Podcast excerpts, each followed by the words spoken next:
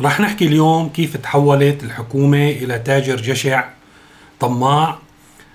آه، هو طبعا بإيده السلطة ويدير الأمور وهو الرابح الوحيد الحكومة أصبحت الرابح الوحيد وكل ما عداها خاسر.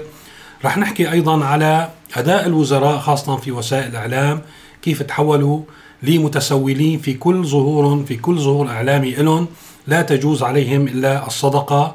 آخر شيء رح نحكي عن استمرار يعني النشاطات الإيرانية للاستحواذ على الاقتصاد السوري بكل قطاعاته والمشغل الخليوي الثالث إيراني.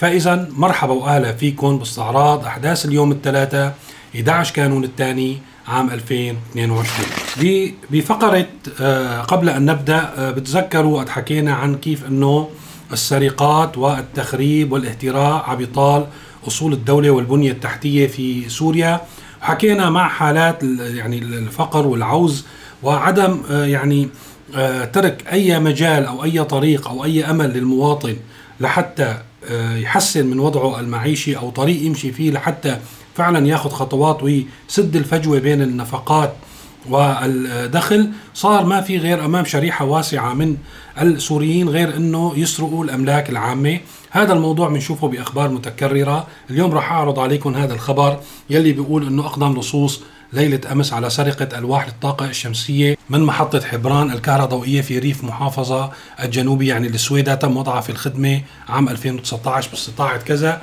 يعني حتى الحلول اللي عم بيقولوا عليها أنه نحن ما عندنا كهرباء طبعا هو في سرقة يومية تقريبا لأكبال الكهرباء النحاسية محطات التحويل. هلأ حتى لو استبدلوها بألواح الطاقة رح يسرقوا ألواح الطاقة وكل ما يتعلق بأي بكرة يعني حتى العنفات هي تبع الريح الكبيرة الهائلة رح نشوفها انسرقت وتقطعت وانباعت حديد. أيضا في فقرة قبل أن نبدأ حكينا عن موضوع إيران والدور اللي عم تقوم فيه بتعطيل الحياة السياسية بالعراق ولبنان وسوريا وحكينا طبعا بالعراق في محاولة لتشكيل قوة وطنية بغض النظر عن الانتماءات المذهبية والدينية أو الطائفية أو القومية. ولكن الكتلة خلينا نسميها المرتبطة آه، بإيران صار في جلسة للبرلمان بعد الانتخابات الأخيرة تم انتخاب رئيس للبرلمان ما كانت موافقة عليه إيران وجماعتها في العراق وبالتالي أعلنوا بالإعلام أنهم ما موافقين وأطلق حزب الله. طبعا راح نشوف حزب الله بكل دولة موجودة فيها آه، إيران بالعراق بلبنان بسوريا بلبنان. هذا حزب الله يلي هو السرطان الداخلي الذي يسيطر على الدول. آه، حزب الله بيقول بحسب المعطيات الأمنية أيام عصيبة ستمر بالبلاد. في إذا بنقرأ المادة هو عبارة عن تهديد مبطن أنه يعني رح يخربوا أو رح يقلبوا عليها واطيها في العراق إذا ما تم. المشروع أو تمت الأمور في السياق يلي هن يذهبوا عليه بمعنى إنه يكون لا القوى المرتبطة بإيران يلي هن بيسموها الأكثرية هي لها الكلمة وإلا ستتحول إلى قوة معطلة، إذا لم يكن في البرلمان اذا من خلال استغلال الوضع الأمني وهذا كلام طبعا منقول عن حزب الله من وكالة أنباء فارس الإيرانية. أخيرا في فقرة قبل أن نبدأ حكينا عن تدهور، حكينا يوم الأحد بتسجيل منفصل عن تدهور الأوضاع في لبنان وأنه لبنان آه، مهدد بانفجار آه، كبير. اليوم في خبر بارز بارتفاع سعر صرف الدولار ل 33 ألف ليرة لبنانية. تقريبا صار يشبه العملة الإيرانية. بتوقع عني بده يوصلوه لهون. بتوقع العملة السورية على الطريق. لازم كل الدول تحت سيطرة إيران تصير عملتها تساوي العملة الإيرانية. المهم هذا الموضوع أدى بتأزم الأمور بكثير من القطاعات واهمها الخبز يعني اليوم كان في أزمة على الأفران في لبنان وفي تهديدات أو في آه، تسريبات خلينا نقول عن أن الاحتياطي أو مخزون الطحين في لبنان ما راح يكفيه غير 10 أيام بدون ما يكون في أي حل في الأفق القريب.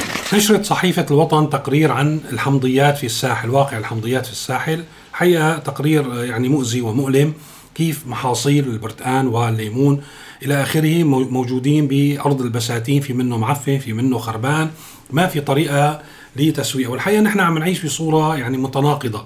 آه، من ناحية بنشوف إنه المنتج آه، يتكبد الخسائر غير قادر بتسويق إنتاجه أو محاصيله الزراعيه مهما كان هذا الإنتاج.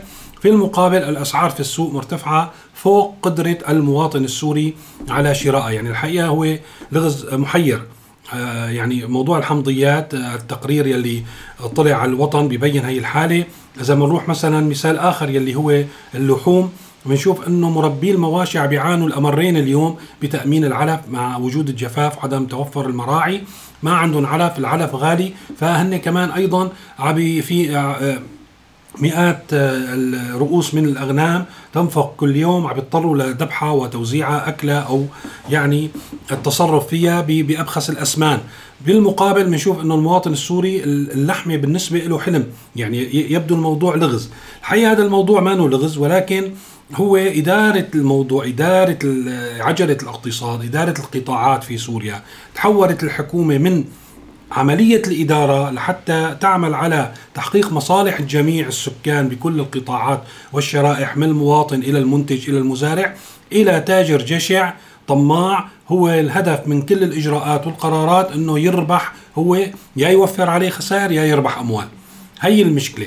هلأ مثلا ناخذ بموضوع الحمضيات. بعد ما طلع التقرير تبع الوطن تحركت الحكومة وأوعزت لمؤسسة التجارة التابعة لوزارة التجارة الداخلية من خلال تعاون مع وزارة النقل خصصوا له سيارات لينقلوا المحاصيل إلى آه، يعني فروع المؤسسة التجارة. هلأ يبدو هذا حل ولكن بكرة بتشوفوا ما راح يحل شيء. السبب بأنه البضائع المكدسة أو الموجودة اللي كادت أنه هي تعطب وتخرب في أراضي البساتين وعلى الشجر راح تاخذ المؤسسة بأبخس الأسمان ما راح تدفع لهم فيها. حقيقة التكاليف طبعا المزارع ومعه حق بيقول إنه هذا حقيقي. إنه هو عم يدفع المي بالسعر الحر عم يدفع سعر السماد بالسعر الحر إجرة العامل بالسعر الحر. كل شيء تكاليف الإنتاج أصبحت يعني عالية جدا بيروح ليبيع. هالمحصول بسوق الهال؟ ما بياخذوا منه غير بسعر منخفض لأن ما في قدرة شرائية وفي عرض كبير وبالتالي ما في تصدير ما في إدارة مثل ما قلنا صحيحة لهالموضوع بحيث إنه يفتحوا ويسكروا التصدير بحسب المواسم ويخلوا يعني الطلب معتدل على آه، المادة وإذا كان في مشكلة كبيرة هن يدعموا المزارع أو يدعموا المواطن لا هن بده يربحوا بكل شيء. فهلأ بيبعتوا سياراتهم بياخذوها بسعر آه، يعني لا يذكر بسعر لا يحقق حتى لا يعني لا يعود على المزارع حتى بالتكلفة وبينقلوها على منافذ المؤسسات التابعة لهم. هلأ نقل على المنافذ بده سيارات بده أجرة السيارات يعني وزارة النقل ما راح تعطيهم السيارات ببلاش. والمشتقات النفطية راح يحسبوها بالسعر الحر أجرة التحميل والتنزيل. وكل شيء هذا سيرفع من هذا السعر إلى المستويات الموجودة بالسوق. يعني حتى المواطن ما راح يستفيد شيء. فهن لا فادوا المواطن ولا فادوا يعني المزارع. هن اللي استفادوا بأنه هن حققوا بعض الأرباح من خلال هالعملية. هلا وقت الدولة بتصير تفكر بهي الطريقة بيطلع الكل خاسر طبعا لأن الدولة هي وظيفتها مو تربح الدولة وظيفتها مو تاجر الوظيفة وظيفة الدولة هي إدارة الأمور مثل ما حكينا لتحقيق مصالح الجميع ل ل يعني رسم خطط وتنفيذ هذه الخطط بحيث إنه يكون الجميع مستفيد بشكل أو بآخر وتحقيق مصالح الجميع بطريقة متوازنة. أما لما هي بدها تحط حالها طرف وبتحط حالها منافس للتاجر ومنافس للمواطن فأكيد هي بإيد السلطة بإيد القرار بايد كل شيء. فهي راح تربح وراح يخسر ما عداها من المواطنين من المزارعين ومن التجار والصناعيين هلأ تاكيدا على الكلام ننتقل للموضوع الثاني ولكن هو متعلق بالموضوع الأول. وقت عم يطلع مسؤول برتبة وزير يحكي عن مشكلة قطاع الحقيقة من أشهر من وقت ما تشكلت الحكومة الجديدة لليوم ما في غير الندب. والبكاء والبكائيات واللطم على الخدود وعرض المشكلة والعجز عن حل المشكلة. كان في لقاء لوزير النفط اليوم مع صحفيين بمؤسسة الوحدة الرسمية يعني اللي هي آه، بتصدر عنها الثورة والصحف المحلية في المحافظات. وكانت تصريحاته الحقيقة أنا بدي أفترض حالي صحفي عم بحضر الوزير رح أنقل لكم بعض التصريحات الوزير. الحرب العدوانية حولتنا من بلد مصدر النفط إلى مستورد. وهذا القطاع كان حاملا للاقتصاد الوطني والآن تحول إلى عبء عبء على الخزينة. لدينا اليوم ما يقارب مليون بطاقة ذكية أصبحت كل احتياجاتنا مستوردة وتحتاج إلى قطع. لدينا عقود إما استيراد نفط مباشر أو من الخط الائتماني من إيران ونكرره والتكاليف أصبحت مرتفعة جدا. 95% من احتياطاتنا النفطية في المنطقة الشرقية والمحتل الأمريكي وأدواته يسرقونها. بينتقل ليحكي عن الغاز تراجع إنتاج الغاز 80% بسبب التخريب الكبير الذي لحق بالآبار نتيجة الإرهاب وقصف القوات الاحتلال الأمريكي. نحن غير قادرين على الوصول إلى الحقول الأساسية في شرق الفرات بسبب الاحتلال. في عام 2018 تم وضع مشروع قارة يلي هو بلدة قريبة من دمشق بالإنتاج لكن نمط الغاز فيها صعب والإنتاج لا نملك الكثير من تكنولوجيا إنتاج النفط والغاز. مو طالع بإيدنا شيء لا حول ولا قوة إلا بالله. الصخر الزيتي والسجيل الزيتي من ضمن التنوع الطاقي الذي نتحدث عنه وعندنا حوالي 40 مليار طن وفيها نسب جيدة من النفط ولكن هذا النمط يعني هو عم ينتظر شركات للتعاقد. نمط من العقود ذو مخاطر وتوجد اتصالات مع شركات ولكنها يعني لم تتم. كان لدينا 40 حفارة واليوم لدينا خمس حفارات فقط. وقت جينا على خط الغاز العربي قلنا بلكي خط الغاز العربي هو اللي بينقذنا مع إنه ما تنفذ. طبعا كان في وعود لأذكركم موضوع الكهرباء وهذا الحكي حكينا فيه ولمحت له حكيت عنه بالأحرى بشكل مباشر إنه في احتمال كبير ما يصير. موضوع الكهرباء الربط الكهربائي مع لبنان ومد الغاز من مصر عبر سوريا لبنان لليوم ما صار كان على أساس أول السنة اليوم نحن 11 شهر. بكل الأحوال وقت قالوا له آه، خط الغاز العربي قال لهم حصة سوريا من الخط الغاز العربي وما ستحصل عليه لا يتجاوز 10 15% ولا يعول عليها في سد النقص الحاصل في الكهرباء بسوريا. هلا أنا لو كنت صحفي وحضران هالاجتماع ما راح يطلع من حلقي سؤال يعني ما راح يعني حرام يعني راح أتعاطف جدا مع هذا الوزير ودور على شوية أفراطة بجيبي وأنا طالع انقدوا إياها بإيده وكمل لبرا. كلام عن سيطرة إيران على الاقتصاد السوري مكرر ولكن من المهم أن نتابع التطورات. مثل ما حكينا من وقت ما طلعت الأحاديث وصار في يعني حكي عن عودة العلاقات العربية السورية السورية العربية، إيران طحشت على سوريا، عملت مثل نوع من الغزو الاقتصادي، الله وكيلكم ما انقطعت سيول الوفود المسؤولين والبرلمانيين والتجار والصناعيين. هلا وقت ما يكون في وفود بيقوم السفير الإيراني بالمهمة وبينتقل بينط من مسؤول لمسؤول ليضمن حصة إيران بالإقتصاد السوري اللي تمثل يعني النسبة الأكبر. اليوم كان في بحسب الأخبار بأنه وفد وصل إلى دمشق برئاسة وزير الطرق والإسكان الإيراني رستم قاسمي يضم عدد من النواب الإيرانيين وسيجري سلسلة من اللقاءات مع كبار المسؤولين السوريين. تستمر الزيارة حتى الخميس وعم بيقولوا إنه يعني صار في فترة راحة ريحوهم للسوريين شوي.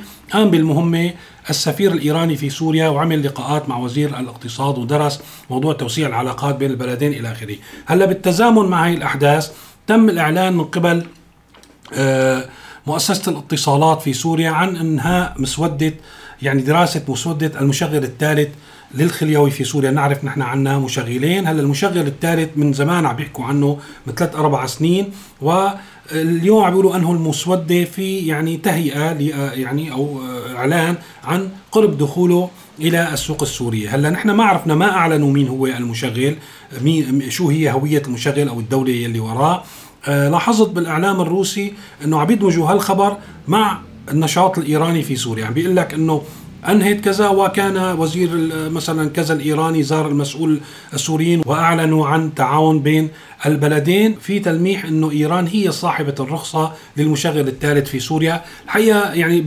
بمجرد بحث بسيط بنشوف إنه آه، سوريا وإيران رئيس الوزراء السوري ونائب الرئيس الإيراني. وقعوا عقد لحتى تكون طهران هي صاحبة الرخصة للمشغل الثالث في سوريا. فإذا المشغل الثالث وهذا موضوع حقيقه حساس مو بس لأنه هو بحقق أرباح كبيرة مع تردي نحن عم نلاحظ لحتى يعني نكون على بينة في تردي وشكاوي من من المشغلين. والضربات اللي صابتهم يعني كلنا بنعرفها رامي مخلوف وام تي إن وسحبوا صاروا شركات. والحقيقة في شكاوي من انقطاع الخدمة بشكل متكرر. هلأ بيدخل طبعا المشغل الإيراني بيقدم خدمة أفضل وبيستحوذ على أكبر حصة آه، من السوق الموضوع لا يتعلق فقط بالأرباح ولكن المشغل الإيراني مو مثل مثل باقي المشغلات. ما راح تسمح إيران بإنه يكون في رقابة من الحكومة والأمن السوري على المشغل الثالث وخوض على جمع معلومات. هذا كل شيء بدي احكيه لليوم. آه مثل ما دائما بذكر إذا بدكم تشوفوا أخبار أكثر حول سوريا والمنطقة والعالم ممكن تراجعوا موقع سيرا نيوز على الرابط اللي عم بيطلع قدامكم. وراح أحط لكم رابط التليجرام هو وسيلة فعالة لمتابعة الأخبار أول بأول بصندوق الوصف. شكرا للمتابعين والمشتركين والمنتسبين إلى عضوية القناة لكل من يرغب بدعم هذا المحتوى واستمراره والحصول على بعض الميزات ب مشاهدة النشرة الخاصة بالأعضاء يلي هي مقاطع من الفيديو وصور متابعة لا يمكن أن ننشر بهذه النشرة نشرة الإعلانات. آه، ممكن الضغط على الرابط في صندوق الوصف والانتساب إلى عضوية القناة باتباع الإرشادات. شكرا لمتابعتكم وإلى اللقاء في تسجيل قريب.